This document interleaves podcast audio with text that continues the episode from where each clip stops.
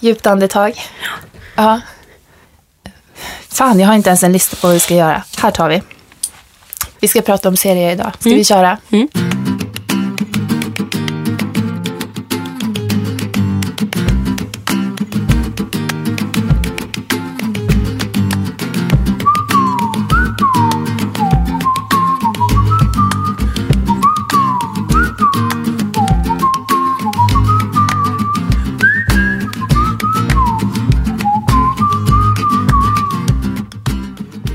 Nu blir det Bokpodden nummer 12 och det här gör vi tillsammans med nätbokhandeln Bokus.com. Dagens ämne är serier. Det blir spännande för mig. Eh, Jag kommer att göra en dubbelrecension tillsammans med Johanna Ö. Åsa gör en enkel recension. Och Johanna K träffar Lina Neidestam som är till exempel Maran har hon gjort som serie. Mm. Och en litterär agent kommer jag också träffa. Jaha. Har vi något mer idag? Inte som jag känner till, men det kanske kommer någon överraskning. Ja. Johanna K kanske chockar oss med någonting. Vi får se sen. Okej, det är bara att starta.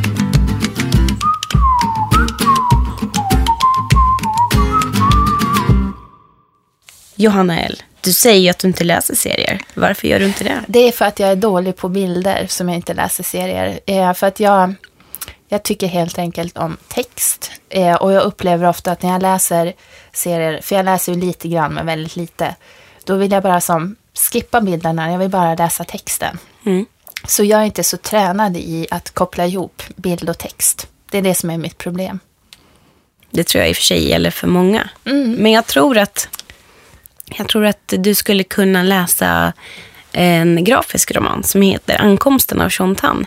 Det är inte ett enda tecken i den boken. Där måste jag ta det lugnt och titta på varje bild. Varje, alltså du läser, i, du läser i bilderna, det är fantastiskt. Det är en av mina största läsupplevelser någonsin om man får vara så pompös. Den är skitbra, den måste du kolla upp. Och se om, du, om det är någonting för dig. Åsa, du läser serier. Mm, men jag känner igen mig mycket i det du säger. Det är ett problem jag har också, att jag läser texten och inte tittar på så mycket på bilderna. Ja. Men samtidigt tänker jag att ja, men då var det kanske inte en jättebra serie. Om bilderna blir överflödiga. Men jag vet inte, jag tror, nej, jag tror inte riktigt att man kan säga det. För det känns som en sån enkel förklaring för mig att bara säga, ja men bilderna spelar ingen roll. Utan jag tror bara det att eftersom jag inte, Johanna K till exempel, du jobbar med lågstadiet, ni läser ju bilderböcker och sådana grejer, eller hur? Jag gör ju inte det. Jag läser ju inte bilderböcker. Jag tror att det är bara brist på rutin. Kanske, men om man inte behöver se bilden för att uppskatta och förstå innehållet. Ja, Om bilden är överflödig. Som i till exempel Liv Strömquist som är en seriemakare som jag gillar. Där Mm. är det ju väldigt mycket, det är bara liksom huvuden som pratar. Mm. Men jag, jag måste sticka in, jag tror att du läser mer bilder än vad du tror. Jag tänker att man gör ju det hela tiden. Ja. Men att du måste bli uppmärksam på vad du gör. Det är bara att öva. Du får öva. Jag ska starta. Djup suck. Åh, vad kul det här ska bli. ja, nej, men det ska bli kul med dagens program. Jag tror det blir ett bra program. Tror jag med.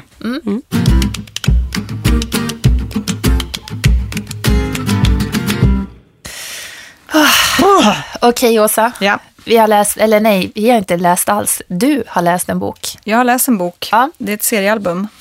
Vad heter den? Den heter Nattbarn. Av? Hanna Gustafsson. Och? Den är... eh, Nu ska jag... Nu, nu, lyssnare, nu får ni vakna. För nu kommer en ny genre som jag hittar på själv. Det är en serienovell, hävdar jag. Vi antecknar serienovell. Ja. Hur är en sån? Jo, men så här, om det här var en, en skönlitterär text, då hade det varit en novell. Nu kommer testet. Johanna, vet du vad en novell är? Ja, det är ju en kort text. Mm. Ja, Vad mer då? vad mer? Eh, Den har kanske, det gamla klassiska är att man säger att den ska ha en liten klurig twist på slutet. Har det här det? Ja. Som knyter till början Ja. på något sätt. Och det utspelar sig under kort tid och det är få karaktärer och på en och samma plats ungefär och så. Så där som det brukar Ja. vara i noveller. Så är det verkligen i den här. Ah, därför blir det serienovell. Därför blir det en serienovell. Varsågod Hanna Gustafsson. Om du inte visste vad du hade skrivit så är det det. Alla nätbokhandlare, Bokus.com, uppdatera er, er, er info om nattbarn. Okej, okay, men vad handlar den här om? Mm, den handlar om en 14-årig tjej som heter Ingrid, men hon kallas för Iggy. Mm -hmm. Hon går i skolan, klämmer finnar, snattar på Konsum, tittar på porr. Tittar på porr? Ja, undrar vem hon är, försöker hitta sig själv och hatar sig själv. Alltså, hon är 14 år. Allt det där som är att vara 14 år. Mm.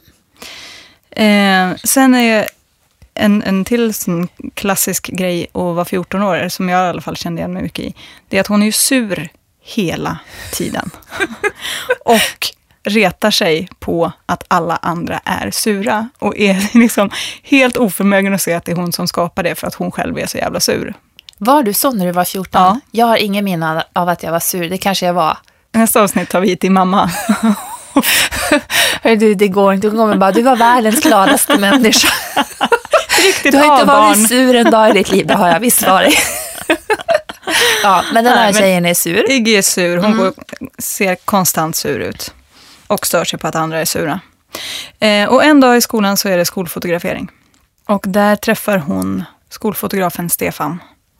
Som eh, börjar prata med henne om hennes Iron Maiden-logga som hon har på väskan. Mhm.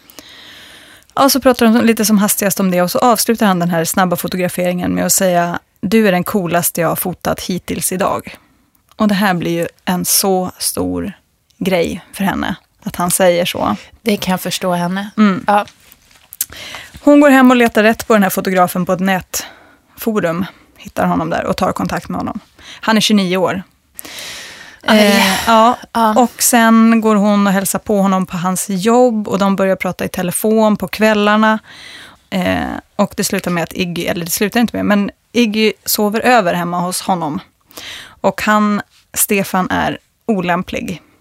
Jag ska inte berätta för mycket, men han är olämplig. Ja. Ehm, Jag tycker redan han låter olämplig av olika anledningar. Mm. Men det blir mer och mer. Det trappas upp. Det är små grejer, men det trappas liksom upp. Mm. Ja, det är ju olämpligt redan att hon är där, absolut. Eh, definitivt olämpligt att hon sover över. Och eh, när eh, Iggy kommer hem dagen efter och mamman frågar var hon har varit och hon säger jag har sovit över hos en kompis. Då säger mamman så här, jag vill veta vad hon heter och vilken klass hon går i, argt. Så att skillnaden mellan var Iggy är någonstans och vad mamman tror att hon är, det är ju Ja. så. Och det där känns så um, sant. Så där är det ju. Mm. Att 14-åringens värld och mammans bild är, ja. Det är därför vi inte kan fråga min mamma hur jag var när jag var 14. Exakt. Ja. Och det här tycker jag är, liksom, det är det jag gillar mest med det här seriealbumet. Det är den igenkänningen av hur vidrigt det är att vara 14 år. Även i vardagen. Och hur sjukt tråkigt det att vara 14 år. Mm. Eh, och igenkänningen som sagt, den är ju stor. Och framför allt så känner jag igen väldigt mycket så här, hur värdelösa och äckliga alla vuxna är när man är 14 år. Mm. Det finns en, en jättebra scen om, där mamma, Iggys mamma har en ny kille. Så kommer han in till frukostbordet och säger så här klämkäckt. Åh, frukost! Dagens bästa mål! Som den tönt han är, förstår man. Och sen är det en närbild på honom när han äter en macka och hur äckligt han äter den här mackan. Och bara liksom skyfflar in och tänderna åt alla håll och så. Och man förstår att så där ser det förmodligen inte ut alltså. Men för Iggy så ser det ut så. Och det där kan man också relatera hur man satt med sina föräldrar och bara Åh, Sluta smaska annars dödar jag dig. de där, det är så bra. Det är så bra hur det är. Det är så där det är. Ja. Hur är bilderna? Eh, bilderna är eh, så bra. Bilderna berättar det mesta, skulle jag vilja säga. Mer än vad texten gör. Eh, det finns en scen där den här mammas nya kille, Bosse, som är snäll. Han har gjort varma mackor. Iggy vill inte ha av ren hävd. Och sen är det en hel scen som bara är bilder där hon går upp på natten och då har de där då har Bosse plastat in de där mackorna och lagt dem i kylen och hon går upp och käkar dem i efterhand och sådär. Och det är ju liksom på något sätt ett accepterande av honom fast det står ingenting i text. Så att det är jävligt snyggt gjort. Men det är, men det är en ful tecknarstil. Mm. Fast det passar handlingen för att det är en ful värld. Det finns ju bland annat Bosse står i badrummet och har inte ens lyckats med den enkla konsten att stoppa in hela pungen i kalsongerna. Hal- Halva hänger liksom utanför och Iggy ser detta och den bilden kommer ju igen och igen och igen sen för att varje gång hon liksom stänger ögonen så kommer ju denna bild framför henne. Och det är en grotesk närbild. Mm. Vad ska vi landa på för slutomdöme om den här boken? Det låter väldigt positivt. Ja, det är väldigt, väldigt positivt. Vad heter väldigt, väldigt positivt på bokhora-språk? Ja, vad kan det heta? Mm, box var någonting som vi höll på att prata om förut. när det var så här, när vi blev lite kära i saker, vet, som man bara, som typ Homer, mm, beer. Ja, men då, Mm, då är det här en sån. Då är det en mm-box. Men Ja. en sån här som man eh, vill ehm, bara att alla ska plocka upp. Se den här, missa inte. Ja.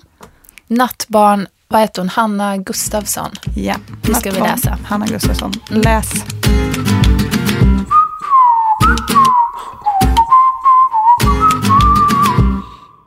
Nu har jag fått en eh, kompis i studion, Lina Neidestam, som gör serier helt enkelt. Och just nu så är du aktuell kan man säga med eh, Berättelser från Engelsfors som är ett seriealbum om cirkel och eldböckerna. Det stämmer. Välkommen. Tack så mycket. Kul att vara här. Då måste jag börja fråga, vad, vad ska jag kalla det här som du gör? Är det serier eller är det grafiska romaner? Jag gör nog serier. Eh, Jag har gjort en grafisk roman som, eh, som heter Maran, som är den här eh, snuskserien. Då, då. Och eftersom det är en lång sammanhängande berättelse så skulle nog den kategoriseras som grafisk roman. Medans eh, mina andra serier som Zelda och Ber- Berättelser från Engelsfors är liksom mer fragmentariska, som är strippserier som har blivit samlade i album. Så det är okej att säga serier? Ja, definitivt. Jag älskar att säga serier. så serier är, jag är uppväxt med det. Jag kommer alltid ha, det kommer alltid vara därifrån jag kommer på något sätt. Det är, det är fyllkultur och det är lättillgängligt och det är väldigt roligt och lite så. Apropå, nu, nu kom du in på det lite själv. Har du, du har alltid läst serier? Alltså, Ja. Alltså gud, ja, det, är, det är något så, det är så lättillgängligt. Jag, jag var ju ett så här, jag var ett ensamt barn. Nej, men jag växte upp i ett område där det fanns väldigt mycket så här, eh, pensionärer och inte så mycket andra barn. Och på somrarna så var vi ute och seglade, jag och eh, mamma, pappa och min lillebror. Och då var det mycket bara att man satt på olika skärgårdsöar. Och då fick jag läsa farsans just Gamla Buster eller Fantomen. Och, alltså ganska tråkiga serier egentligen för en liten unge. Men eh, Eh, Det som var bra med det var att jag blev inspirerad till att rita egna serier. Och när började du rita egna serier? Ehm, Det var nog när jag började rita överhuvudtaget. Alltså varje, tapeterna hemma var ju alltid fyllda med klotter och, och lillebror och jag och magen och allting. Liksom. Det var, jag ritade överallt. Och det var, alltså jag var aldrig intresserad av att rita av saker porträttlikt. Utan det som var roligt med att rita var just att man, man kunde få makten och kontrollen över sin egen värld. Eh, på något sätt. Man kunde hitta på historier och alltså barn har ju mycket fantasi och hitta då ett utlopp för den fantasin genom att rita var ju grymt. Och dessutom så fick man en massa bekräftelse för det. Och jag tror att sånt där är alltså, viktigare än vad man tror. Att folk bara säger, vad duktig du är, fortsätt med det. Och så bara, ja, och så vill man göra en till teckning och en till teckning och en till teckning och visa. Och sen har du, eh, jag kollade på din, eh, på din hemsida, du har också gått en massa utbildningar i serier. Mm. Eh, Kan du inte berätta, vad finns det för möjligheter? Eh, Då finns det väl framförallt serieskolan i Malmö som jag gick på, som är grym. Eh, Jag, kom in där när jag var 21 för jag tänkte jag skulle göra någonting kul innan jag blev vuxen och utbilda mig till journalist. Som, det var, som var ett riktigt jobb där man ändå fick vara kreativ. Um, nu verkar journalister ha det jäkligt svårt med att få anställning överhuvudtaget så jag vet inte hur trygg karriärsbana det var. Men det finns serieskolan i Malmö och den är, jättebra. Eh, och sen finns det även en i Hofors eh, som jag inte vet så mycket om. Men det jag vet i alla fall att den i Malmö har producerat många fler tecknare som faktiskt jobbar med det på heltid idag. Som typ ja, men Sara Granér och Li Strömqvist och Sara Hansson och Nanna Johansson och jag. Hela Ja. gänget. Hela gänget. Jag läste att, eh, för du har ju haft strippar med i, i många olika tidningar. Just Mm. nu har du inte det i, i någon dagstidning i Sverige. Nej. Eh, Men, men, hur, men du har varit i Aftonbladet och Sydsvenskan och Metro. Mm, absolut. Och de, de går ju sporadiskt i, eller de går ju en gång i veckan i Aftonbladet och Situation Stockholm och Rocky Magasin och sådär. Men just, eh, just som alltså, varje dag är bara i Norge Mm. faktiskt. Hur gör du? Vad använder du för material när du ritar? Jag har precis blivit digital.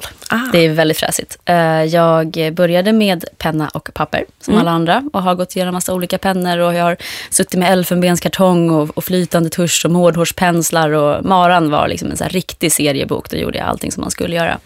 Eh, Men sen så höjde jag min produktionstakt så jäkla mycket för att det började lossna allting samtidigt som det alltid gör. Eh, Så då gick jag över till Cintiq. Och Cintiq är då, alltså det är en Wacom-platta som är en, en digital skärm som man ritar på med en penna. Och så går det direkt in i datan. Eh, Och från datan så skickar jag iväg det till Litauen där det färgläggs. Och sen så skickas det tillbaka till Sverige och Norge. Berättelse från Engelsfors har nästan nyss kommit ut. Ehm, och du eh, ritar Zelda. Eh, är det något annat projekt? Det kanske du inte kan berätta. Åh, det är så himla roliga projekt på gång. När kommer det här sändas? Om en månad? Ja, i mitten av maj. Okej, ja, men då kan, jag, då kan jag faktiskt läcka lite. Eh, det kommer komma en Zelda-serietidning i sommar. Ah. Så det är så himla himla roligt. Som kommer släppas på Egmont. Och det, det är inte planerat för en återkommande utgivning än. Men beroende på hur det går för det här första numret då, då, så, kommer det, så kommer de ta ett beslut efteråt. Vad Så det kul. kommer en Zelda-serietidning i 12 000 ex som kommer finnas på pressbyråer och ICA-butiker och allting. Det är fantastiskt, vad kul. Så himla roligt. Och då blir det gästserier. Och sen så har jag en superhjälteserie på gång också. Ja. Eh, som handlar om fjortisar i Södertälje. Som plötsligt får en massa kraft och makt. Mm. Eh, och det ska bli jätte, jättekul. Så det ska jag också klämma in när jag får tid. Helt enkelt. Vad läser du själv för serier? Mm.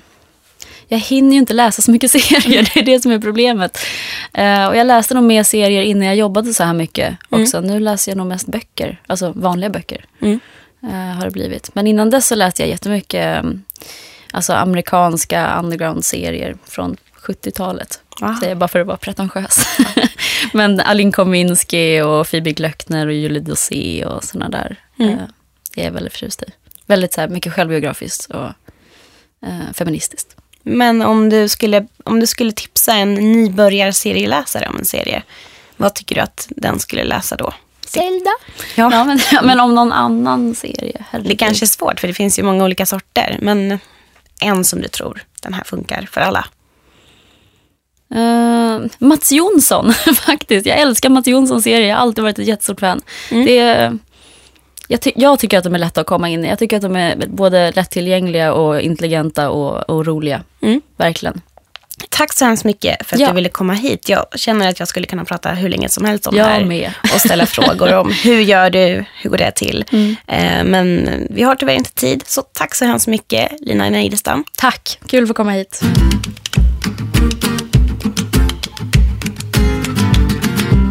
Nu ska vi prata serier, jag och Johanna Ö.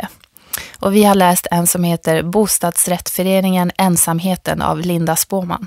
Mm, jag tyckte den var ganska intressant. För jag är ju eh, en sån här... eh, Jag läser inte så mycket serier. Där är vi lika. Jag läser ju inte heller serier. Nej, och jag tror att vi, vi är väl båda kanske lite det här, man, man gillar det som alla gillar. Alltså man, man hyllar Liv Strömquist och, och Sara. Granér och Mats Jonsson och... Nanna, vad heter hon, Johansson? Just det. Ja. Men det här var en helt ny serie för mig. Jag har aldrig hört talas om den här eh, skaparen förut. Och jag vet att det här är kanske hennes nummer två eller nummer tre. Så att hon, hon är inte ny för seriekännare, men hon är ny för mig. Ja, hon, är, hon var faktiskt ny för mig också. Jag har inte, inte sett någonting eh, av, av henne Mm. förut. Men jag tycker det är intressant, det är en ganska tjock bok. Alltså, serier är ju inte alltid så himla... Det är ju inte alltid så himla jättetjocka böcker. Nej. Men den här är ju verkligen en, en liten knubbis. Den är en liten knubbis och det är väldigt mycket ångest i den. Eh, jag tycker att det här är en sån här serie där jag mår eh, ja, sämre och sämre ju längre in i boken jag kommer. Det är verkligen, det är förortsångest och det är depressioner och det händer hemska saker och det är bara så här, oh, saker man inte vill tänka på eller uppleva eller läsa om. Jag tycker att den är skitjobbig. Jag gillar den, men den är hemskt jobbig.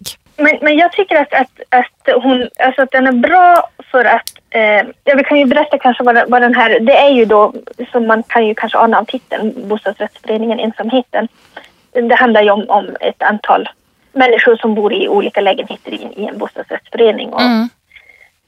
alltså jag tycker att det är lite för träffsäkert eh, skildrat på något vis. Alltså man, man, man vill som börja skratta men sen fastnar det i halsen i, i nästan varje berättelse. För att Ja, för alla är ju så tragiska. Det är olika människor i olika åldrar. Så det är unga, det är gamla och det är ja, mittemellan. Eh, I olika faser i livet. Och alla har, jag menar, alla är så patetiska, alla är så sorgliga. Eller också blir det så att jag som står utanför och tittar på dem tycker att de är patetiska och sorgliga. Fast de själva kanske tycker att de har det helt okej. Okay. Och det är ja. det som jag också tycker är deppigt. fast, fast, men jag tyckte det var så intressant för att jag tycker att, att jag vet, det här är också en grej som jag fick eh, när jag skrev om, vi hade ju serietema på Bokhora för eh, ett tag sedan. Eh, och då skrev jag just om, om seriet att jag tycker att, att det, det, ofta finns någon form av samhällsmedvetenhet eller liksom eh, politisk agenda i, i de mm. flesta serierna.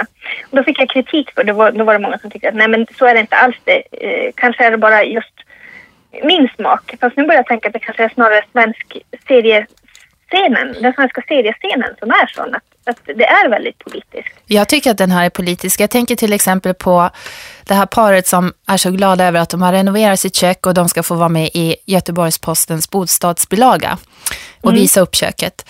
Eh, och då tänkte jag direkt på Nina Björk och hennes prat om skitdrömmar. Det här hur man lever för att renovera sitt hem och hela tiden göra nytt och det blir det här ekorrhjulet av att man alltid ska ja. fixa och man blir aldrig nöjd och egentligen så står de drömmarna för någonting helt annat och det kände jag verkligen i fråga om det här.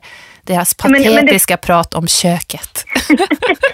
men, men, samtidigt så känner jag ju också ibland, alltså, och det är ju just det där att man kan skratta åt det men, men sen så står man där själv nästa gång man går på fest och diskuterar hus och lägenhetspriser och, och liksom. Det är det som är så, så hemskt också. Att, att det är som träffsäkerhet i det här som, som, som gör det hela obehagligt också. Att hon sätter verkligen fingret på, på den här medelklassen eller liksom till och med ibland övre medelklassen. Och den här tjejen som jobbar som bibliotekarie.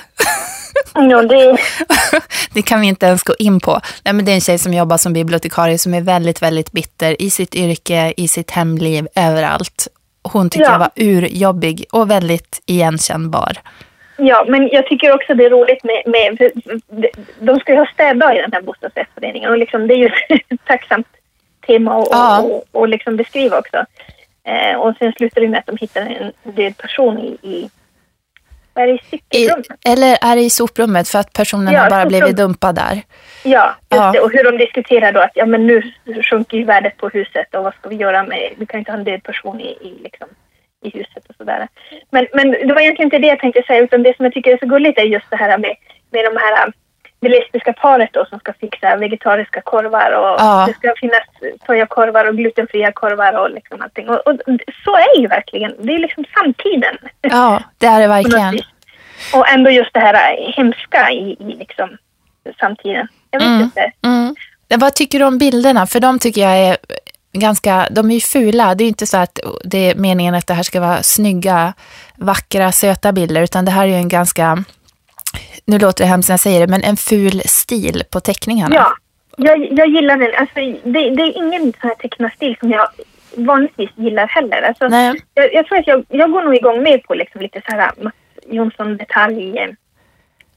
Alltså att, att ja, det liksom att det är lite mer arbetat. Ja. ja.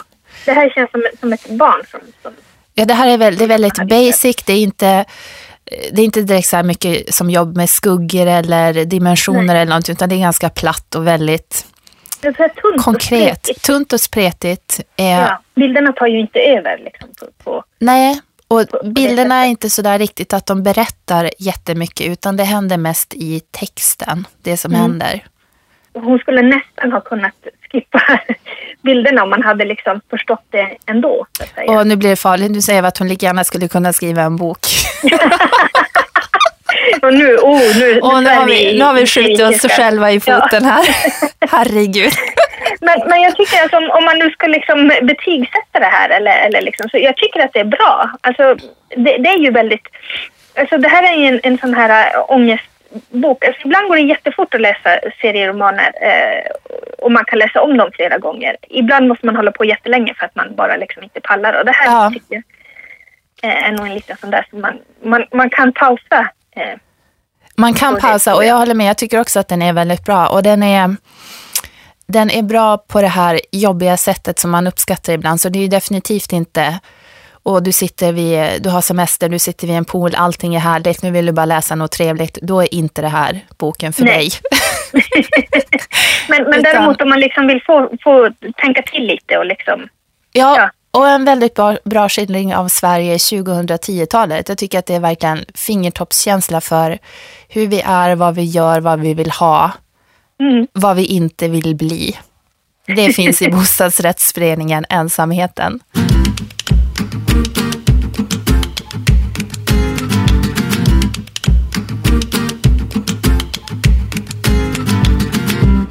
För två veckor sedan så hade vi ingen förlagsserie. Nu är den tillbaka igen. Och eh, det kan jag säga att om ni har någon fråga, någon, någonting ni är lite nyfikna på, något bokyrke, så får ni gärna höra av er och tipsa om någonting som ni vill veta på redaktion.bokhora.se. Och idag så har jag en litterär agent i studion. Anna Frankel, välkommen. Tack. Eh, och du jobbar på Nordin Agency. Precis, det stämmer. Ja. Eh, men vad gör en litterär agent? En litterär agent är eh, väldigt mycket, speciellt om man jobbar som eh, fristående litterär agent som mitt företag gör, då Nordin Agency, att vi inte är kopplade direkt till ett bokförlag, utan vi jobbar som fria agenter, så det innebär att vi kan representera författare från eh, förlag runt om i hela Sverige och även eh, på vissa utländska marknader och då har vi valt Skandinavien för att det är lättare för oss. Ehm, och vårt jobb handlar om att vi säljer rättigheter, så att vi försöker se till så att våra författare blir sålda till så många länder som möjligt utomlands. Men även, eftersom vi är då fristående, så kan vi sälja dem till de svenska eller danska eller norska Eh, förlagen beroende på vilket land eh, författaren kommer ifrån. Och då är vårt jobb väldigt mycket dels att se till så att alla villkor är så bra som möjliga för vår klient, vår författare. Eh, men även se till så att efterarbetet, marknadsföring, PR, vara en del där tillsammans med författaren och förlaget och, och pusha och, och försöka göra det så bra som möjligt så att de här böckerna som vi representerar, de här författarna som vi representerar får sån så ett bra startfält som möjligt direkt. Eh, så man är väldigt mycket, man är både då rättighetshanterare och även till viss del liksom en eh, manager utan att låta töntig. Eh, och samtidigt så vill vi jättegärna vara där och stötta våra författare om de har frågor eller vill, ha hjälp i eh, skrivande processen, om de har fastnat och behöver någon som kan läsa igenom och prata, så vill vi jättegärna vara den personen också. Nu sa ju du manager och då tänker jag på när man ser på amerikanska filmer så har de ju ofta, alla har ju en agent. Ehm, Det är, det, är det liksom så ni är? Ehm, ja, alltså det, det låter ju så, det låter nästan lite, det låter lite så amerikanskt Hollywood-aktigt. Men vi vill ju gärna vara den, de personerna som kan, som kan stötta våra författare som en manager, agent gör i USA. Ibland så är det så, om man tittar på den amerikanska marknaden, då har de både en manager och en agent. Eh, så är det för filmstjärnor och för skådespelare och musiker och sådär. Men vi vill gärna kunna vara liksom den personen för, för vår författare hela vägen och det finns fortfarande möjlighet på den svenska marknaden att vara den. Så, och, och då innebär det att man, man är med på alla nivåer, jobbar med alla typer av format, så inte bara en vanlig fysisk bok, utan allting från om det är musik eller om det är manus till filmer och allt möjligt, så att vi verkligen kan, kan vara med och stötta dem i allt som de kan och vill göra och verkligen hjälpa till i den här kreativa processen. Så då blir det ju lite en managerroll man också tar, utan att förta den grundrollen som är en litterär agent, att sälja rättigheter. Och då är ju självklart boken grundprodukten, om man ska vara krass. Men mitt intryck är att, ehm, den, det att det har blivit vanligare i Sverige nu på senare tid. Jag tror att eh, det har blivit mera prat om det i media och i bokbranschen. Dels för att det har startats nya agenturer eh, och dels för att eh, det har gått så bra för svenska författare speciellt. Att man har lyckats eh, sälja både till många länder men också sälja bra i de länderna där man blir utgiven. Och det har ju som vi säger, Stig Larsson-effekten. Men det är ju verkligen det som har lyft upp allting och då har det startats nya agenturer för man har sett att det finns en, en, eh, eh, en marknad för det här. Det finns ett, ett behov hos författarna att få det stödet och att få den hjälpen och även självklart ett sätt att tjäna pengar på en, en marknad inom bokbranschen som inte tidigare har varit lika exploaterad. Men jag tänker en debutant som inte vet så mycket om förlagsavtal och så. Skulle du rekommendera en, en debutant att kontakta en agentur? Ja, det skulle jag absolut göra. Mm. jag tror framförallt för en debutant så är det viktigt att, att man kan ta hjälp av, av, av en agent. För att det man märker många gånger med debutanter, det är att de är så otroligt tacksamma, vilket de ska vara, för det är ett privilegium att bli utgiven med mm. en bok. Men, men, samtidigt så är det så att för förlagen så, så är det ju en business. Och det är ju för oss allihopa i branschen att det är en business. Och man vill ge ut bra böcker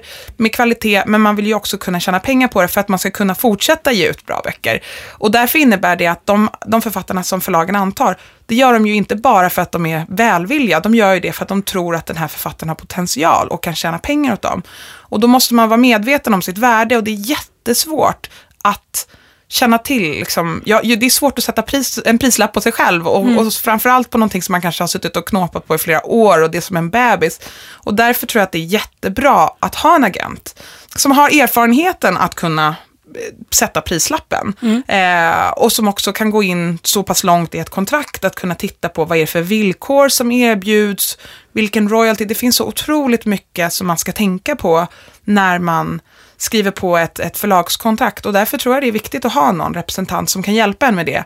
Och samtidigt så tror jag att det kan vara ganska skönt för vilken författare som helst, debutant eller inte, att slippa hålla på och prata om pengar och villkor och eh, små klausuler här och där och bara kunna jobba med det kreativa med sitt förlag. Mm. Så eh, jag hoppas att det, det, det är så vi kan agera och därför tror jag absolut att det är viktigt för alla. Men eh, hur, hur ser en typisk dag ut för en agent? Ehm, det är jätteolika, men jag kan säga min typiska bästa dag, det är om jag kan komma till jobbet och lägga minst halva dagen på säljarbete. Och säljarbete för mig, det är allting ifrån att skicka ut material på mina författare, ringa till förlag, träffa eh, förlag om det här i Sverige, men framförallt liksom se till att materialet som jag vill ska finnas där, finns där. Så säljarbete så att säga. Och så det tänker jag, åtminstone halva dagen på det, för då vet jag att så här, nu har jag verkligen jobbat och nu finns det trådar ut över hela världen. Eh, sen kanske jag har ett möte, för jag tycker att det är trevligt att komma ut och träffa förlagen och det kan vara allting från ett marknadsmöte till ett möte med mina författare. Eh, och sen om det ska vara den bästa av alla dagar, då vill jag att någon ska ringa in med ett bud eller skicka skicka ett mejl, som det oftast är faktiskt. Mm. Eh, så det är min drömdag. Och det händer lite då och då, men framförallt alltså det viktiga det viktiga arbetet, det är det här säljarbetet, att aldrig släppa tråden, att inte, man kan alltid göra så himla mycket för sina författare och det kan verkligen vara allting från att översätta recensioner, leta upp Eh, pressmaterial till att skicka ut till ett förlag som man inte hade tänkt på tidigare eller ta, ta, lyfta luren och prata med dem. Så det är väldigt mycket sånt arbete att hela tiden plantera trådar och sen förvalta det som, som man har skickat ut, att man inte tappar eh, det utan man hela tiden följer upp och jobbar på det viset. Eh, har du någon drömförfattare som du skulle vilja jobba med? Oj, vad svårt. Jag jobbar med en hel del av mina drömförfattare redan. Mm. Jättemånga både eh, litterära och, eh, och eh, mer kommersiella, ska man säga, deckarförfattare och, och författare i alla möjliga genrer. Jag har signat Simona Arnstedt som en romanceförfattare och det tyckte jag var jätte, jätteroligt för det är mm. ett, en ny grej på den svenska bokmarknaden som är spännande. Men en författare som jag alltid har varit extremt förtjust i, det är Sara Stridsberg. Ja. Nu vet jag att hon har redan en fantastisk agent, så att det kanske är lite sent, men hon eh, skulle vara en, en, en drömförfattare. Mm. Tack så hemskt mycket, Anna, för att du ville komma. Tack själv.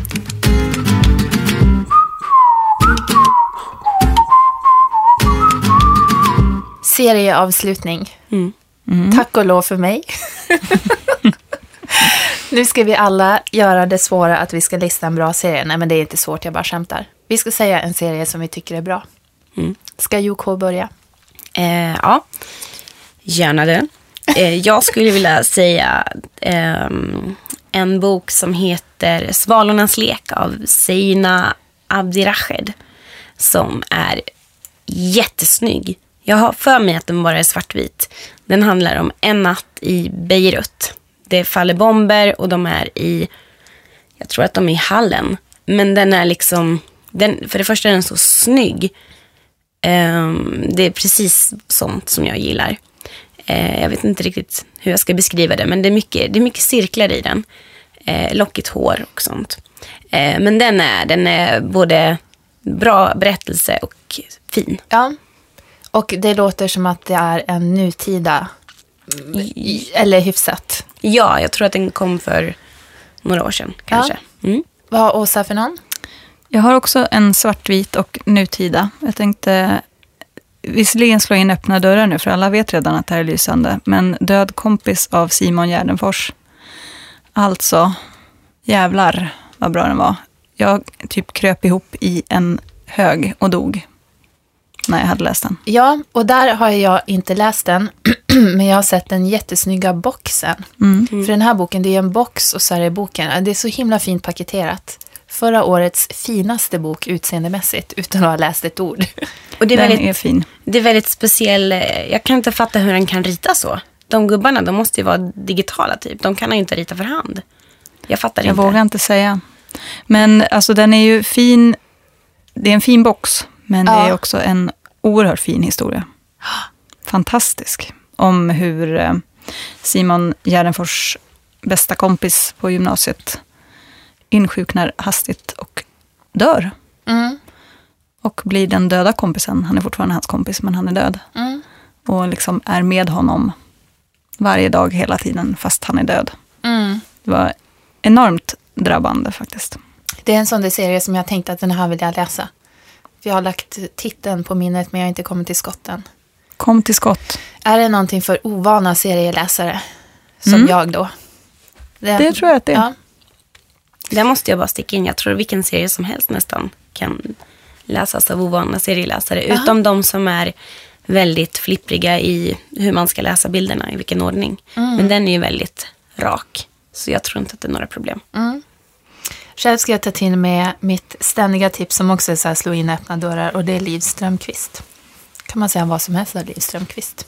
I vilka former som helst. Jag tycker hon är fantastisk. Och det är väl för att hon, hon är väldigt politisk och jag tycker att, att hon säger, eller för det mesta, väldigt smarta saker som man kan ta till sig. Konsumtion, kön, samhälle. Alltså de ämnena hon tar upp är väldigt viktiga, träffande, Tankeväckande. tankeväckande, provocerande. Mm. Tack Liv, tack så mycket. Nej men jag tycker hon är jätte, jättebra. Är vi färdiga för idag? Nu är det nog. Vi är klara. Vi har sagt allt vi behöver säga om serier. Och inga överraskande inslag. Nej, Men det var ju dåligt av oss att inte kunna va? inte kunna chocka mer. hosta upp någonting otippat. Vi kan väl säga att tittarna får gärna, eller lyssnarna får gärna överraska oss ge- genom att skicka ett mejl. Mm.